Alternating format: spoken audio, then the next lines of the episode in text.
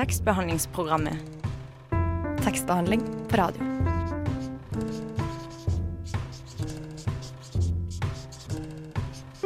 Tekstbehandlingsprogrammet.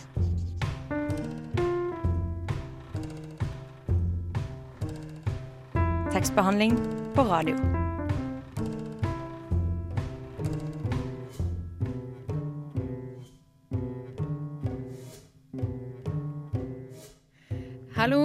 God morgen, god onsdag morgen. Nå er høsten her, ikke sant Marie? Ja, det er blitt september, så vi kan jo si at det er blitt høst nå. Ja. Det er jo egentlig nesten høstens første Altså høstens første sending. Da. Ikke liksom høstsemesteret, men sånn høstens Mm. første sending med all regnet og Men det er jo perfekt for oss her i tekstbehandlingsprogrammet. Absolutt. Kose seg under et teppe og drikke en kopp te og Sånn som folk som liker å lese, gjør. ja. Det skal vi også gjøre. Um, I dag så skal vi snakke med diktdebutant uh, Eirin Gundersen. Hun har skrevet en diktsamling uh, som heter 'Du er menneske nå', som er gitt ut på Gyllendal. Um, og så um, kom ut for en, eh, en drøy uke siden. Uh, og den handler om tap av en far, eh, sorgen som følger, men også liksom, hvordan man kommer seg litt ut av denne sorgen igjen, da. Eh, og hun skal også lese for oss i dag, så det tror jeg blir veldig fint. Vi Mm. får jo en gjest til. Mm, vi får besøk av Brynjulf Jung Kjønn. Han er en av redaktørene for uh, littkritikk.no, som, uh, nå siterer jeg dere, dem selv, en ny portal for litteraturkritikk av norske skjønnlitterære bøker. Eh, og målet deres eh, er at de skal anmelde alle debutanter eh, som kommer i høst. Ja, og, og også andre- og tredjebokforfattere. Ja, det sier de er et sånn langsiktig mål. Så vi tenkte å prate litt med han eh, om det. Eh, de lanserte jo i går. Ja, Ja. og vi, vi hadde jo en egen liten feiring. Ja, en liten eh, premierefest eh, hvor vi går gjennom nettsiden. Så det skal vi også høre på etterpå. Um, men før alt dette her så skal vi høre en eh, låt. Eh, Nibla og Ikana med 'Ingen annan'. Der hørte du Nibla og Ikana med 'Ingen annan', som er fra A-lista. Eh, vi har fått en debutant inn i studio nå. Eh, Eirin Gundersen. Hei, hei. Hei. Em, du har skrevet en diktsamling som heter 'Du er menneske nå', som eh, ja, ble gitt ut for en drøy uke siden. Eh, og denne handler jo om eh, ja, sorgen etter å ha mistet en far, uh, stillheten og tomheten som følger, Uh, men også det å liksom komme seg ut av ensomheten og sorgen. Vi skal, vi skal snakke litt mer om denne diktsamlingen, men først bare kjapt må vi høre hvordan du ble oppdaget, for det er litt annerledes enn hvordan mange på en måte blir, eller blir oppdaget. Ja, ehm, jeg sendte jo ikke inn manuset til forlaget på den måten som man eh, blir fortalt at man skal gjøre. Um, men eh, jeg fikk eh, en mail for noen år siden, egentlig, eh, fra det som nå er redaktøren min. Um, og da hadde hun lest noen tekster som jeg hadde lagt ut på en blogg som jeg hadde da. Uh, så lurte hun på om jeg hadde noe jeg kunne sende inn. Um, det hadde jeg ikke akkurat da. Um, så det gikk et par år hvor vi hadde sporadisk kontakt, egentlig. Um, og så når jeg var i gang med det diktmanuset som nå har blitt bok, så sendte jeg inn det. Mm. Uh, ja. ja. unnskyld. Uh, og det, du har eh, skrevet eller sagt før at det begynte som små notater. Men eh, hvordan ble det dikt? Og når skjønte du at det du skrev var dikt, og at det ikke bare var notater? Um, jeg tenkte først på det som notater eller bruddstykker, uh, fordi det så lenge kjentes ut som jeg hadde skrivesperre. Um, men så valgte jeg å sende inn de, eller det jeg tenkte på som notater, da, til uh, redaktøren min. Um, og da hadde jeg egentlig ikke forventa at jeg skulle få noen konsulentuttalelse eller noe sånt. Um, men jeg fikk en eh, veldig positiv konsulentuttalelse der eh, de tekstene jeg hadde sendt inn, ble omtalt som dikt. Um, og det var vel egentlig først da jeg begynte å tenke på det som et diktmanus, eh, og begynte å jobbe med det på den måten. Hvor, hvor mange hadde du da, på en måte, da du sendte inn? Eller, ja. Eh, jeg hadde egentlig veldig få. Det var kanskje rundt 20 tekster, så det var ikke så veldig mye. Hvor mange, eller vet du hvor mange du har der inne nå i boken din? Um, har vel rundt uh, 60, tror jeg. Ja. Mhm. Um, jo, også litt tilbake til det det handler om, da. Altså, du skriver jo om, om sorg og, og tap, uh, og det er jo så personlig, da, det du skriver om. Um, men også så utrolig relaterbart for, eh, for mange. Har du liksom Tenkte du mye på dette da du skrev, og har du fått liksom sånn respons på det etter utgivelsen, selv om det ikke er så lenge siden? Um, da jeg begynte å skrive på det, så tenkte jeg nok egentlig ikke på det. Uh, da skrev jeg bare for min egen del. Um, men jeg har jo fått høre det i ettertid, da, uh, fra folk som har lest boka, uh, at de kan kjenne seg godt igjen i det. Um, og det var vel også noe jeg begynte å tenke på når jeg kom litt lenger ut i arbeidet med boka. At uh, uh, det var egentlig litt sånn tittelen på boka oppsto. Uh, 'Du er menneske nå'. Um, fordi jeg på et tidspunkt følte at det å oppleve at en forelder dør, og den sorgen som følger etter det, er noe som er så allment da, og så felles for mennesker at det kjentes ut som um, ja, noe menneskelig, da. Mm. Um, men før, før du skrev dikt nå, så var det vel egentlig Var det romaner du tenkte du skulle skrive? Eller Ja. syns jeg leste det et sted? Ja, eh, jeg gikk jo på forfatterstudiet i Tromsø um, da jeg fikk den mailen fra redaktøren min første gang. Eh, og da jobba jeg jo egentlig med et romanmanus um, som, eh, som jeg endte med å bare legge på is, egentlig. Så um, redaktøren min har vel sagt noe sånt i ettertid som at med diktboka så fikk jeg en nærhet til noe og en distanse til noe annet. Og det var kanskje det jeg ikke helt klarte i romanmanuset. At det ble litt for nært, egentlig.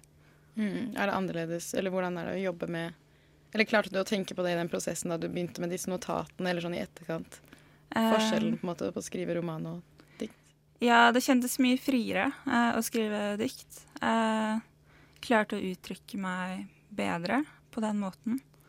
Um, og jeg følte at jeg kunne tillate meg selv mer enn da jeg prøvde å skrive en roman. Mm.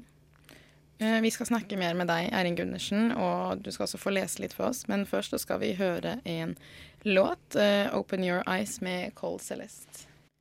Du hører altså på tekstbehandlingsprogrammet på Radio Nova. Eh, Vi sitter her med Eirin Gundersen i studio. Diktdebutant denne høsten. En av de 24 debutantene som er ja, denne høsten her nå. Og jo, det var jo Cold Celeste og Open Your Eyes du hørte der. Det er jo greit å si fram. Um, skal vi se. Eh, du har delt Du skal snart få lese litt for oss, men først så er det greit å bare snakke litt om det at boken din er jo delt inn i tre, i tre deler. Eh, kan du fortelle litt om de tre delene? For du skal vel lese litt fra hver av de? Mm. Eh, den første delen er for meg i hvert fall den delen som eh, Som omhandler eller skildrer sorgen uh, og tapsopplevelsen mest. Um, uh, og den andre delen, uh, som også er den korteste delen i boka, eh, er ment som, som tekster som tar boka videre over i den siste delen. Det er også Del nummer to er også den delen som for meg er mest håpefull. Uh, hvor uh, jeg har prøvd å se på liv uh, på forskjellige steder i verden og i historien. Mm. Og den tredje og siste delen, den, det er nok den som er mest eh, undrende, vil jeg tro. Um, som skildrer um, um, urtiden og urmennesket. Um, og det var nok aller mest i den delen at jeg ønska å se på det menneskelige og utforske hva som er menneskelig, uh, og hva som er felles for oss, helt tilbake til urtiden og til i dag. Mm. Da kan du få lese, hvis du vil. Takk.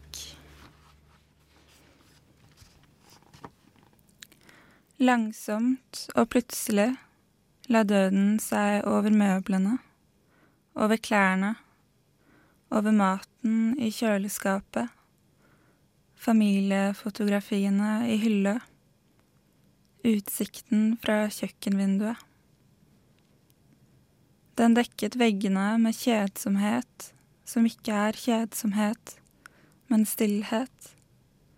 Og nå er stillheten festet i kroppene våre. Nå manifesterer stillheten seg i måten vi møter hverandres blikk på.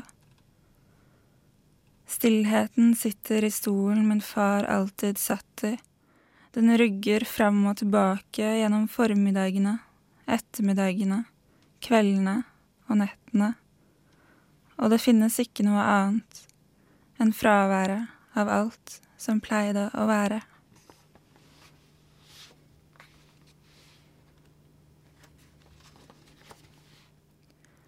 Men et sted er steinene fortsatt varme etter en hel dag med sol. Satellittene kretser fremdeles rundt planeter uten liv. Opprettholder mobildekning i Stillehavet, Amazonasjungelen, Antarktis, Sibir. Et annet sted våkner jeg til årets første snøfall, og det er så lett å tenke. Jeg består ikke av cellevev, men av årstider. Øyeblikk som har gått strakt gjennom meg. Fremmede menneskers blikk. På et punkt i historien finnes du fortsatt. Du går med barnesko over nylagt asfalt. Lærer deg å lese og sparke fotball. Dette vil alltid finnes. Det er fastsatt. Du fortsetter å vokse opp, forelsker deg, treffer min mor, ser meg for første gang.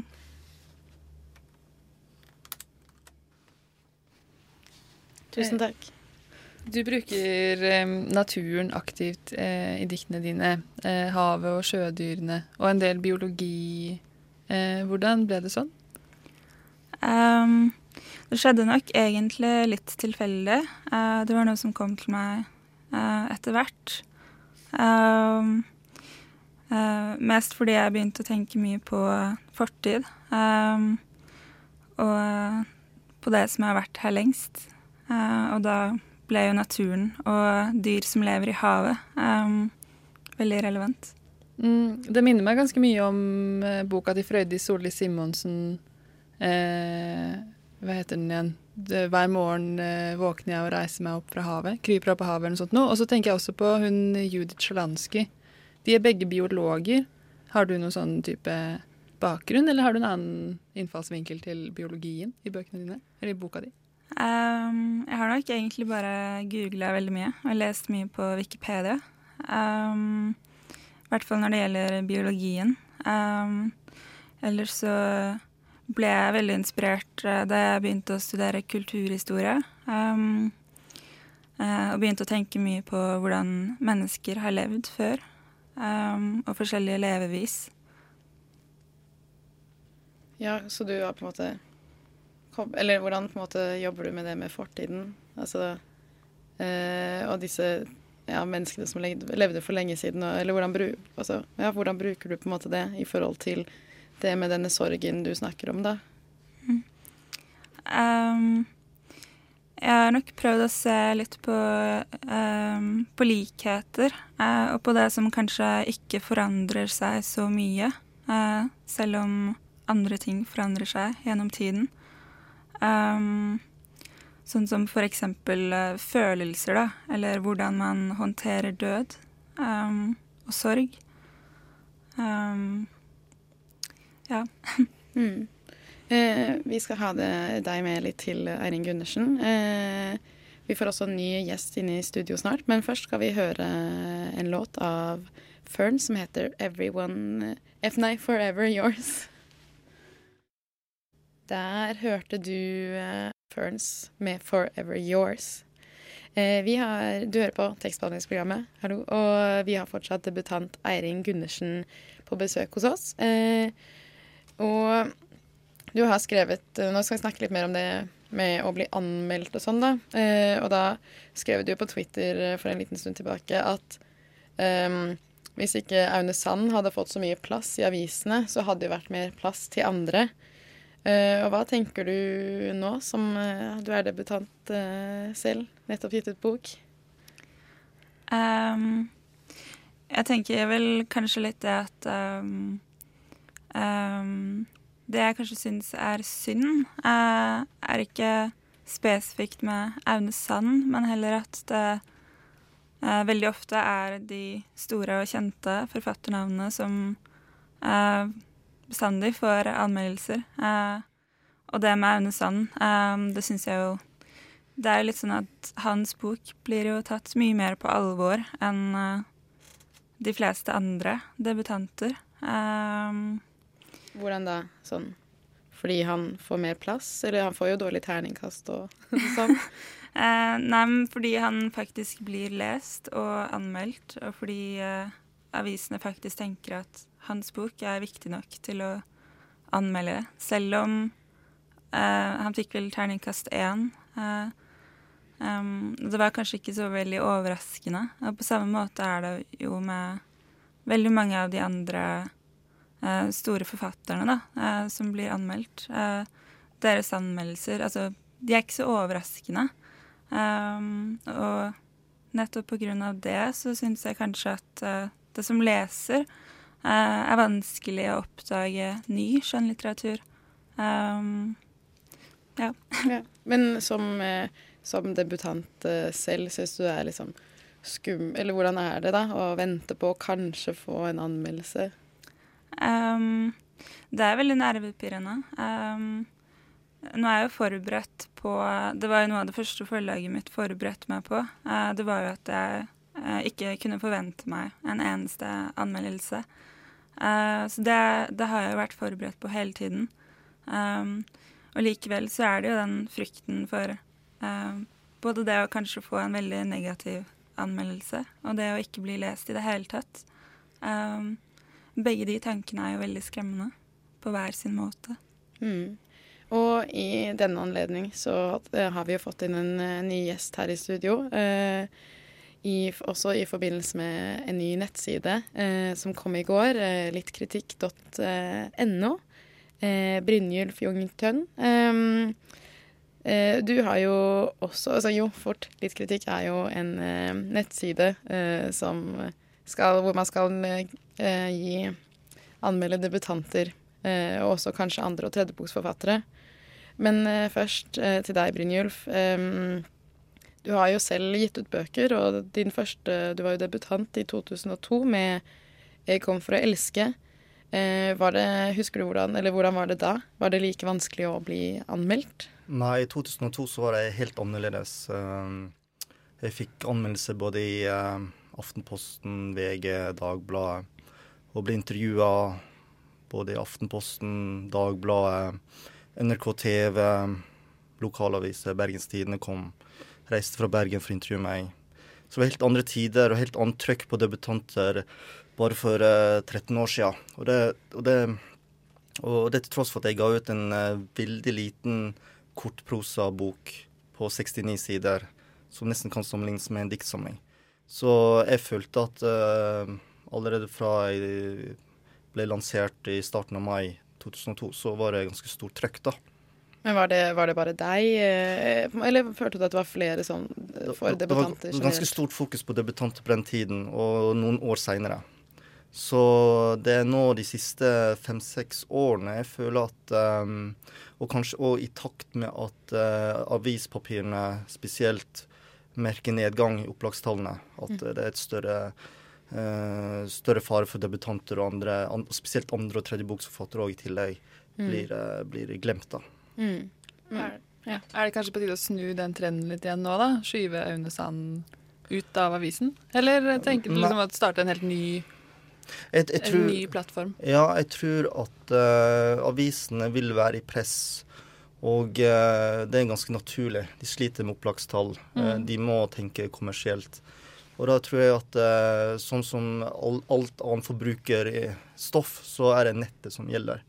Det tror jeg òg gjelder for bokomtaler. Så eh, i dag finnes det mange veldig dyktige bokbloggere eh, som ofte får litt eh, dårlig eh, rykte, men de er kjempeviktige for eh, spesielt debutanter og andre forfattere som ikke får anmeldelser eh, på mer offisielle steder. Og de viser at det er viktig at nettet er en viktig plattform for kritikk. Og det tror jeg er fremtiden nå. Mm.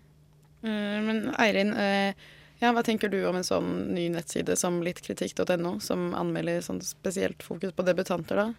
Selvfølgelig så er det gunstig for meg som debutant, men jeg tenker også at det er en veldig fin plass å oppdage skjønnlitteratur som man kanskje ikke ville ha oppdaget ellers, eh, som leser, da. Så Um, vi, skal, eh, vi skal snakke mer med deg, Brynjulf. eh, og, men du skal dra fra oss, Eirin Gundersen. Men det var veldig hyggelig at du var med oss i studio i dag. takk for at jeg fikk komme. Ja, Så får du lykke til eh, videre.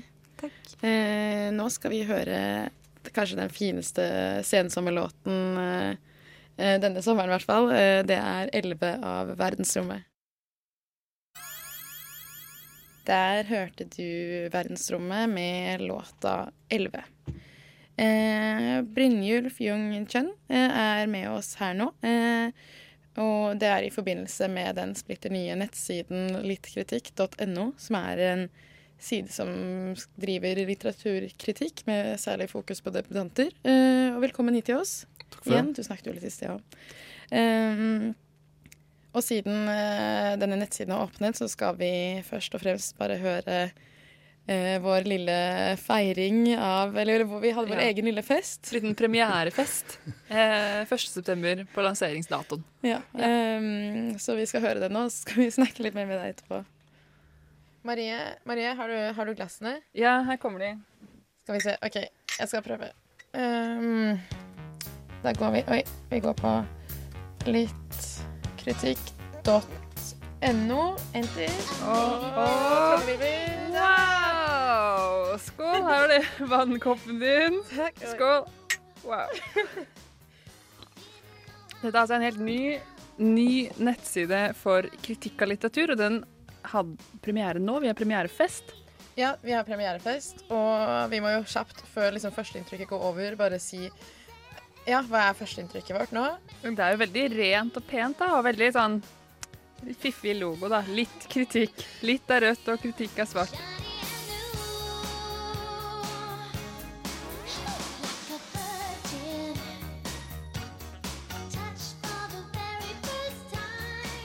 Så er det det derre uh, tegnet Ja, er det et komma, eller noe Nei. sånt? da? Nei. Sånn, Men som er på en måte en liten rød djevel, da. Så her uh, er det no mercy. No.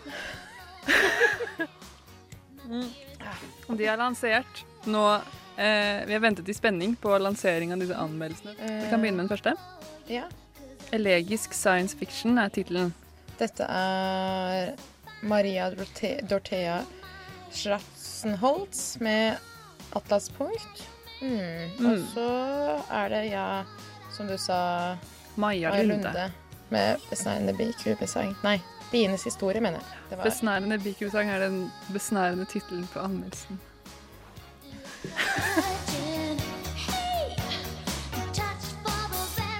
Skål for det!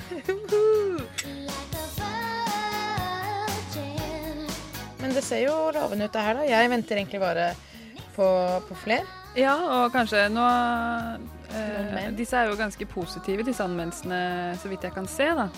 Ja. på. Men eh, det blir jo kult hvis de tar i bruk det djevel-apostrofen sin og kjører på. Mm. Det hadde vært gøy.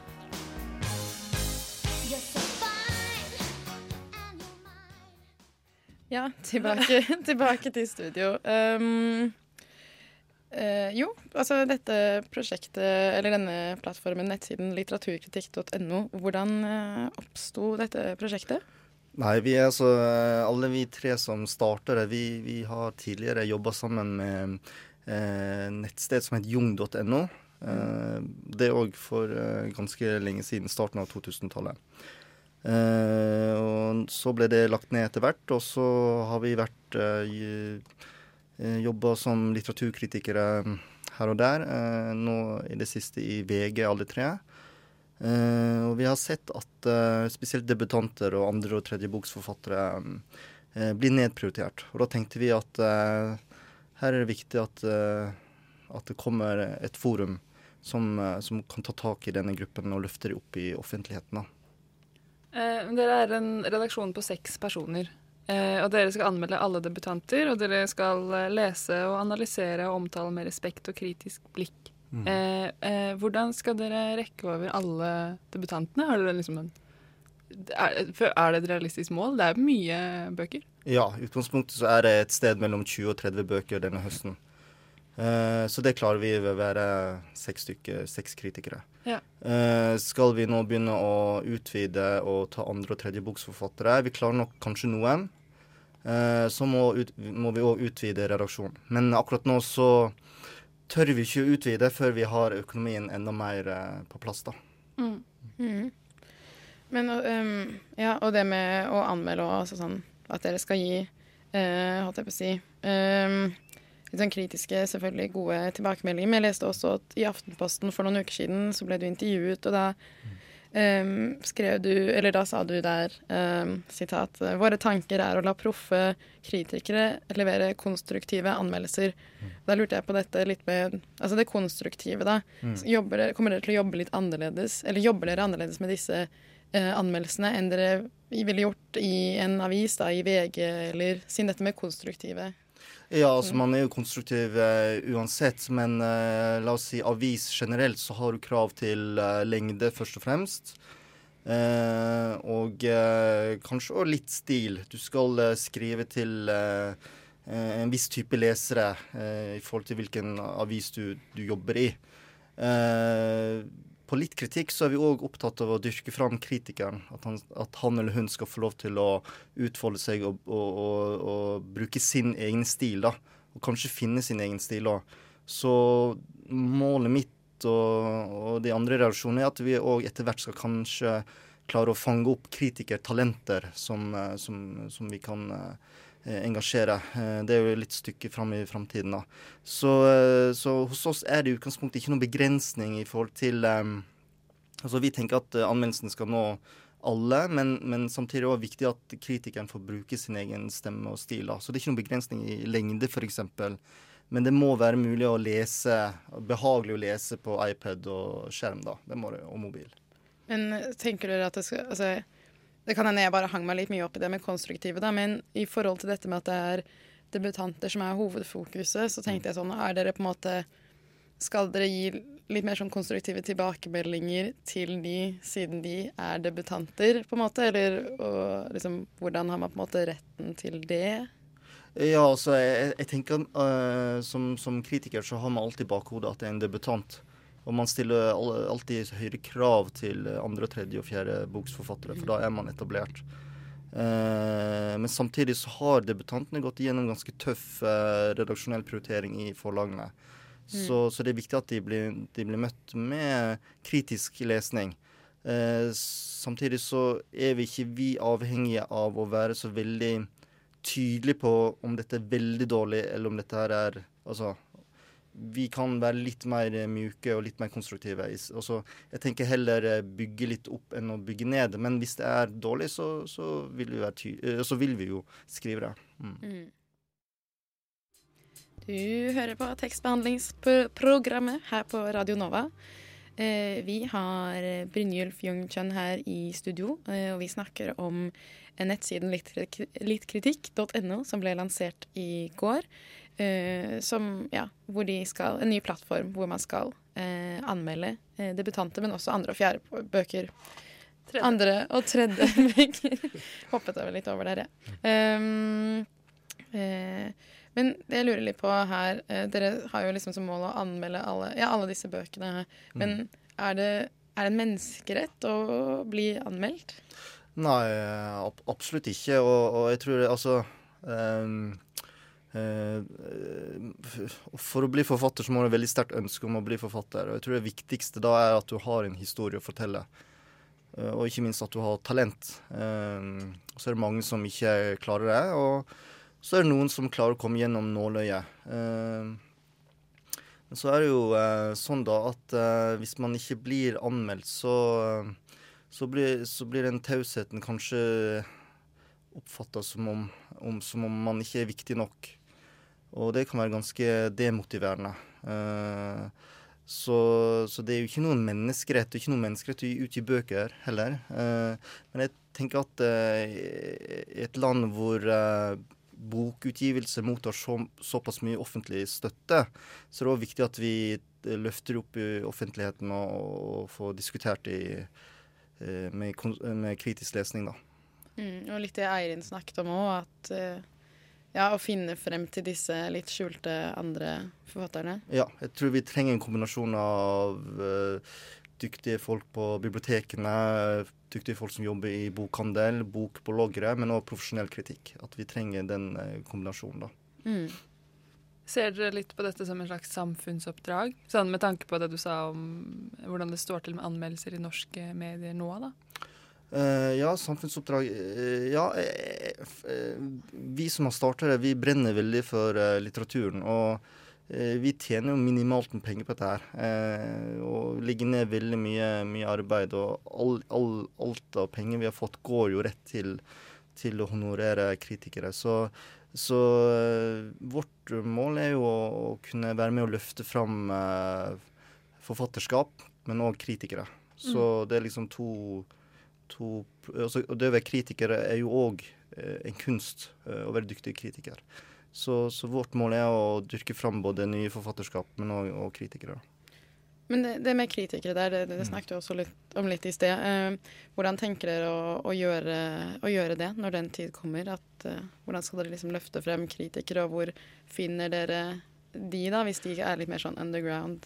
Eh, nei, det, det, finnes veldig Det finnes en del kritikere. Og, og alle de, vi, de tre vi har engasjert, kjente vi godt til hva de har gjort før, og, og, og vi vil gjerne ha de tre.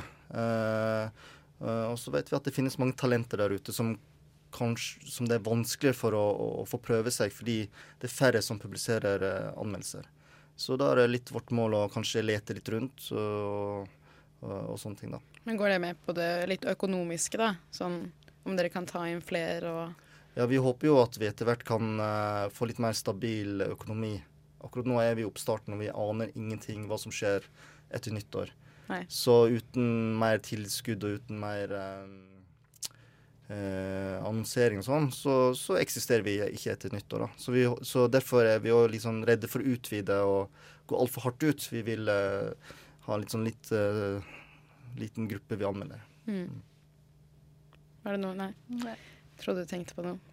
Uh, men jo også videre med dette uh, Dere er jo disse seks personene, ikke sant? Og det er jo 24 debutanter nå i høst. Eh, hvordan på en måte, Og de pøses jo alle ut på én gang. Hvordan, mm. Eh, hvordan, løser dere det? med liksom, Når kommer de nye anmeldelsene? Mm, ja, det er veldig artig å se på forlagslisten at nesten alle debutantene kommer i, i august og, og, starten av september. Uh, så der har vi rett og slett uh, satt opp en liste hvor vi tar hensyn til type forlag, uh, sjanger og litt kjønn òg. Og det er jo litt spesielt at det, det er jo nesten bare kvinnelige debutanter. Mm. Så da, ja, da, det var kanskje Ja, jeg lurte på litt hvorfor det ikke var noen eh, menn på ja, jeg, jeg, jeg stussa faktisk ja, nå, her er bare, nå har vi fått masse bøker, og det er, det er nesten bare kvinner. Det er uh, kanskje fire-fem mannlige debutanter. Mm. Mm. Men sånn valget av de første tre, da, som er på er på siden nå. Er, hvordan, eh, hvordan, ble det valget tatt? Eh, litt at vi ville ha litt forskjellige sjangere. Eh, og lyrikk og noveller og roman har vi nå. Mm. Eh, så var det litt viktig å få med Maja Lunde nå, som allerede fått mye oppmerksomhet tidlig i august. Mm. Eh, så, ja, hvorfor var, ja. ja hvorfor for, var det? For ikke, ja, fordi det ville vært kanskje litt redaksjonelt uh, rart å ha henne ute i oktober, f.eks. Altså, mm.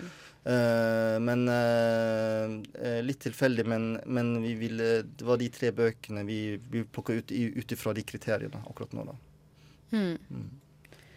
Da hadde vi ikke så mange flere spørsmål for i dag. Det er ikke så lenge til vi skal runde av her i tekstbehandlingsprogrammet. Men det var veldig hyggelig at du kunne komme, Brynjulf. Og vi gleder oss masse til å se mer videre hva som kommer til å skje med littkritikk.no. Og håper jo at det varer lenger enn til nyttår. Hvis ikke må vi bare nyte det mens vi kan. Så får dere ha deres egen lanseringsfest da, når dere Ja. møtes. Ja. Takk for at du fikk komme. Det du hørte der, var Neon Indian med Slumlord. Eh, også fra A-lista.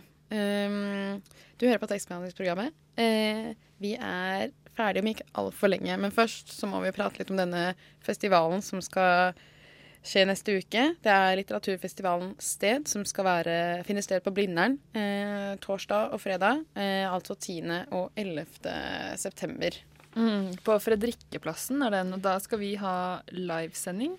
Eh, vi skal ha en anmelderduell, og vi skal da intervjue forfatter Ingvild Sjade. Ja, og hun, hun var jo her i, for et år siden cirka, og da hun debuterte med sin bok eh, 'Drammens rekordbok'. Og i den anledningen, bare for å varme litt opp til denne festivalen, så skal vi høre eh, da hun leste her, ja, da hun var her for et år siden. Jeg skal lese oppveksten til en av hovedkarakterene som heter Jan Beers, som er Drammens høyeste mann.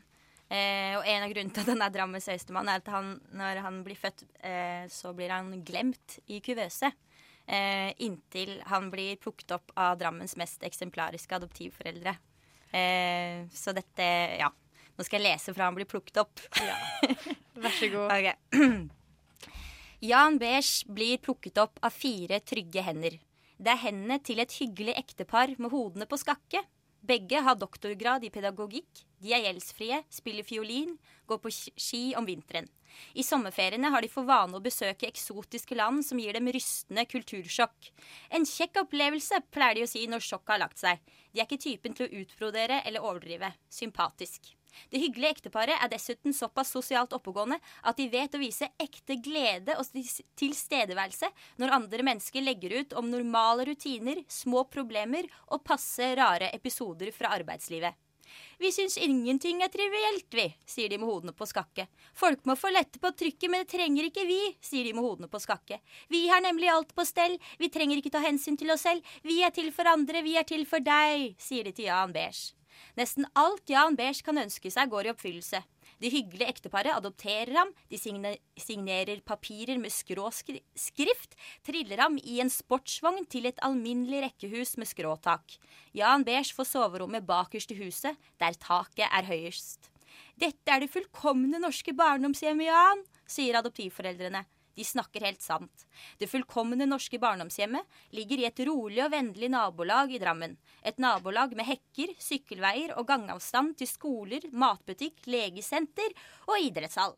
Eh, Det var altså Ingvild eh, Sjade du hørte der, som leste fra debutboken hennes, 'Drammens rekordbok'. Og hun skal altså bli intervjuet av tekstbehandlingsprogrammet torsdag neste uke, 10. På Sted litteraturfestival på Blindern. Tror det er kvart over ni på kvelden at Ja. vi eh, har scenen.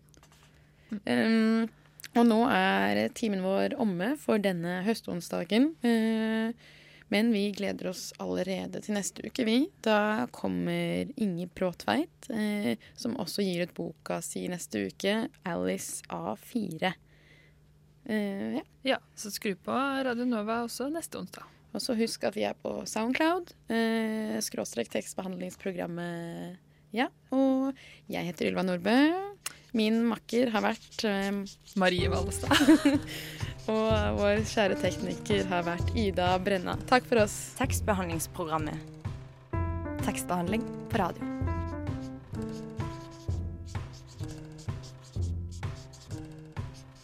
Tekstbehandlingsprogrammet.